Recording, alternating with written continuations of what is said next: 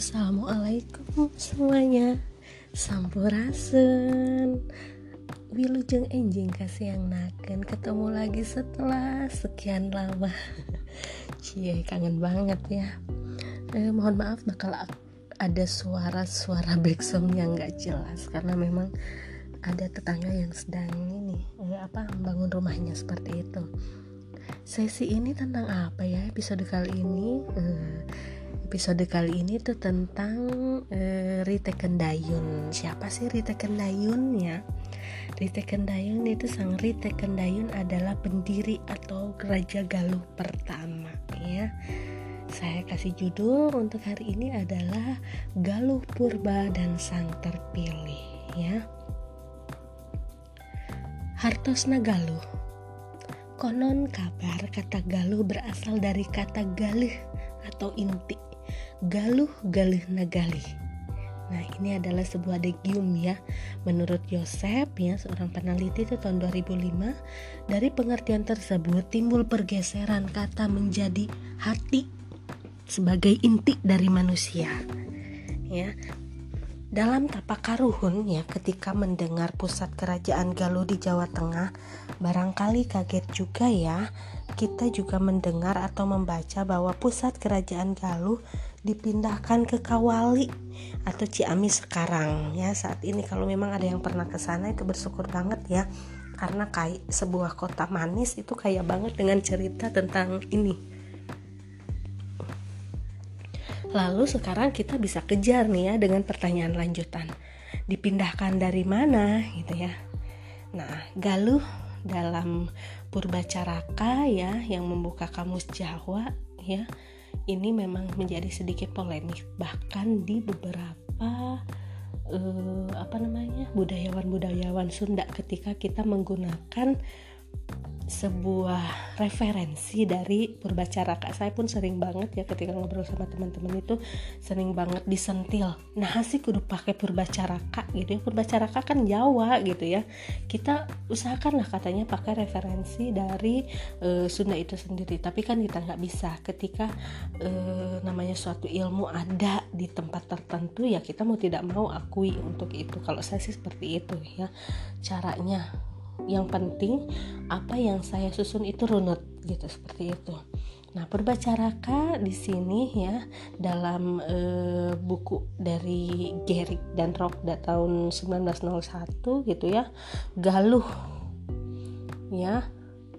Putri seorang bangsawan dan dewi ya. Jadi ketika e, namanya menyebut Galuh itu akan berpikir tentang oh ini adalah sebuah batu permata gitu ya. E, KN adalah nama sebuah kabupaten dalam Karesidenan Cirebon gitu ya zaman dulu gitu ya. Kota kerajaan berarti nama Ratna Intan atau Putri itu adalah anak raja. Nah, ketika kita menyebut Galuh tidak hanya inti tapi Galuh itu adalah anak raja anak cantik ya atau batu permata seperti itu Di dalam sumber lain ya kata Galuh diterangkan dengan panjang lebar tapi tetap artinya yang pertama adalah putri atau emas, yang kedua adalah nama kerajaan di tanah Jawa pada zaman kuna ya. Yang ketiga dalam serat Aji Saka sebagai Raja Sindula dan yang terakhir sebagai nama ilmu bumi di Jawa. Nah, congguar hiji-hijinya dimulai tinu kadua hela iya ya. Nah, Galuh sebagai nama sebuah kerajaan di tanah Jawa zaman kuno ya Purbacaraka sendiri menyebutkan terdapat hampir di tiap-tiap serat babad yang menceritakan zaman itu. Ia memberi contoh dalam serat babad nomor satu yang disimpan di Lembaga Bahasa Budaya gitu ya. Ini tentang perang Raja Banjaran Sari yang bermusuhan dengan Raja Jin perempuan di Galuh. Dalam babad Tanah Jawi sebagai negara Arya Bengah ya. Eh, ini dicetuskan itu ya atau dituliskan dalam sebuah buku ya eh, yang ditulis oleh Mensma Altov itu tahun 1941 ya. Nah, untuk yang kedua gitu ya, yang kedua Galuh itu adalah nama Raja Sindula ya. Yaitu adalah ayah sang dewata Cengkar. Negara Galuh ini diceritakan sebagai eh, negara yang ketika diserang perang oleh Dewata Cengkar sekonyong-konyong e, menjadi hilang ya. Ini menjadi hutan gitu. Ini ada dalam serat Aji Saka ya. Cerita parahyangannya Galuh ditambah ujung jadi ujung Galuh gitu ya. Nama tempat yang dikatakan eh, untuk mengasingkan seorang Jaya Katwang, raja di Kediri oleh Raden Wijaya Majapahit yang pertama gitu ya. Dan ini ada di Pararaton 1920. Ada nama Galuh juga yang ditambah awalan pra jadi Pragaluh yang artinya adalah nama desa atau daerah yang terdapat pada batu tulis yang terdapat di Desa Gandasuli Kedu yang masih terletak tempatnya ya di sana ya di Kedu ya Kabar ini mempunyai derajat bahkan epigrafi ya. Di dalamnya ilmu pengetahuan sejarah ini sangat penting. Yang terakhir atau ya Galuh itu yang tadi karena kita masih ngaguar ngaguar asal gitu ya. Galuh yang sekarang itu uh, ada di Ciamis ya secara on gitu ya. Begalon di sekitar Keraton Surakarta juga ya Menurut tradisi kampung itu dulu ditempati oleh pegawai tukang menggosok intan berlian. Katanya asal mulanya nama kampung itu tertentu. Pegalon dari pegaluan, dari pegaluhan dan dari galuh juga. Jadi memang banyak banget artinya ya. Dari kata galuh itu. Galuh purba leluhur raja raja-raja Galuh yaitu ya kisah Kendan dan Galuh diriwayatkan dalam naskah Carita Parahyangan dan naskah Wangsakerta gitu ya. Jika kita kaji lebih jauh dan teliti, cerita Parahyangan menjelaskan sejarah yang sebelumnya gelap, seperti kisah Sanjaya yang prestasinya ditemukan. Di Canggal, cerita Parahyangan memiliki uraian yang hampir sama dengan naskah Wangsakerta sehingga para ahli sejarah menganggap naskah Wangsakerta berasal dari sumber yang sama yaitu para ratuan Parahyangan dan cerita Parahyangan jelas dianggap sebagai data sekunder alias data kedua seperti itu. Kisah Karuhun Galuh di dalam kesejarahannya yang pernah menjadi rahasia umum adalah mandi minyak dan tamperan. Cerita mandi minyak dianggap tidak lazim karena berhubungan dengan rebatu istri sempak wajah, yaitu kakaknya hingga melahirkan Bratasena. Maksud ini ya cerita eh, apa namanya cerita ini dianggap tidak pantas karena memang kalau saya buat dalam bahasa sekarang ini adalah cerita perselingkuhan ya antara adik ipar dan kakak ipar seperti itu Nah, demikian pula cerita Tamperan yang dianggap sebagai aib setelah berhubungan dengan Dewi Pakrenyep istri Permata di Kusuma. Tapi hukum dan realitas penyusunan sejarah modern memerlukan data formal, jadi tetap e, walaupun aib ini ya tetap dimasukkan dalam bagian dari sebuah sejarah gitu ya. Mungkin alasan ini pula yang berakibat orang Sunda tidak memiliki data sejarah gitu ya karena banyak sekali e, ketika hal-hal yang tidak sesuai dengan kehidupan itu dihilangkan mungkin maksudnya baik ya biar generasi muda taunya hal-hal bagus tapi seharusnya tidak seperti itu.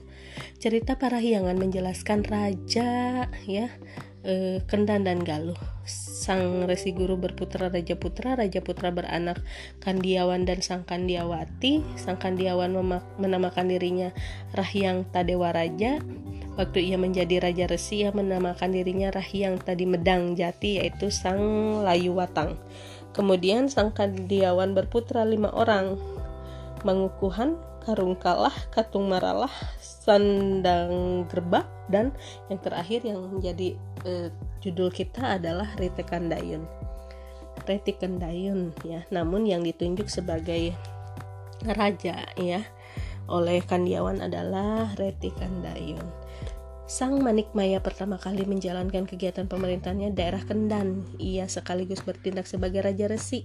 Sepeninggalannya, ia digantikan oleh Sang Suralim, putranya yang memerintah di Kendang. Sang Suralim sebelumnya menjadi senopati di Tarumanegara. Maka ia lebih dikenal sebagai panglima perang yang tangguh dari sejarah Suralim tersebut. Masalah kegiatan agama nampaknya tidak merupakan faktor yang sangat penting sehingga merasa tidak perlu untuk memindahkan pusat pemerintahan. Sang Surali memiliki putra dan putri yaitu Kandiawan dan Kandiawati. Sang Kandiawan dijadikan penguasa, penguasa di Medang Jati. Di dalam cerita Parayangan ia disebut juga sebagai Rahian di Medang Jati dan bergelar Raja Resi Dewa Raja. Ya saya balik lagi dulu ke atas sedikit ya. karena ini sumbernya lumayan banyak ya kalau kisah Reti Kandayun itu. Ketika menerima warisan tahta dari ayahnya, ia tidak lantas pindah ke Kendan, melainkan tetap menjalankan pemerintahannya di Medang Jati. Alasan Kandiawan menetap di Medang Jati sangat terkait dengan keagamaan. Di Kendan waktu itu sudah mulai banyak para penyembah Siwa, sedangkan ia menyembah Wisnu gitu ya. Sang Kandiawan memiliki lima orang putra yakni Mangukuhan, Karungkala, Katung Marala, Sandagerba, dan Reti Kendayun. Satu hal yang masih sulit dicari alasan adalah mengapa Sang Kandiawan itu mewariskan tahtanya kepada Reti Kandayun putra bungsunya gitu ya. Alasan ini menurut sebuah cerita parahyangan disebabkan berhasilnya menombak kebo ulan mungkin maksud penulis cerita itu menceritakan adanya sayembara dan alasan lain adalah yang berhak menjadi raja adalah resi yang paling mendekati kepada itu yaitu Reti Kendayun terpilihlah dia gitu ya. Karena kan zaman dulu untuk uh, apa namanya bukan yang ahli berperang tapi justru yang ditunjuk itu adalah yang paham akan uh, agama gitu ya. Seorang resi seperti itu. Nah historis Galuh Purba. Gunung Slamet merupakan gunung api tertinggi kedua di Pulau Jawa dan terbesar di Jawa Tengah. Gunung ini berada di daerah perbatasan lima wilayah Brebes Banyumas Purbalingga hingga Kabupaten Tegal, Pemalang itu yang ada di Provinsi Jawa Tengah. Berdasarkan catatan sejarawan Belanda Van der Molen pada abad ke-1 Masehi terbentuklah kerajaan Galuh Purba di Gunung Slamet. Ini kerajaan pertama dan terbesar di Jawa Tengah. Setelah Tarumanegara dan tentunya Salakan Negara sebagai awal kerajaan tertua gitu ya. Jadi nggak boleh di apa namanya dipisahkan ya. Sering menyebutkan eh, kerajaan yang yang paling tua itu kerajaan ada di Jawa Tengah gitu. Jawa Tengah ada duluan daripada Jawa Barat gitu ya. Ya tidak. Sunda dulu atau Jawa dulu? Ya Sunda dulu gitu ya. Secara historis kerajaan kita ada lebih dulu. Salakan Negara itu bahkan sebelum abad ke-1 ya. Nah, pendiri kerajaan Galuh Purba ada pendatang berasal dari Kutai Kalimantan Timur sebelum Kutai Kalimantan Timur sebelum periode kerajaan Kutai Hindu ya para pendatang itu pertama kali mengingka, menging, menginjakan kakinya di Cirebon lalu masuk ke pedalaman dan kemudian berpencar gitu ya. Sebagian dari mereka ada yang menetap di Gunung Cermai, Selamat, Lembah Serayu dan yang menetap di Gunung Cermai mengembangkan peradaban Sunda ya. Yang di Gunung Slamet itu mendirikan kerajaan Galuh Purba. Dari kerajaan ini para penguasa raja-raja di Jawa itu terlahir Nah, mungkin untuk saat ini ya episode uh, apa namanya episode Reti Kandayun itu saya cukupkan dulu untuk sesi 1 nanti saya lanjutkan ke sesi 2. Hatur nuhun sampurasun sadayana. Assalamualaikum.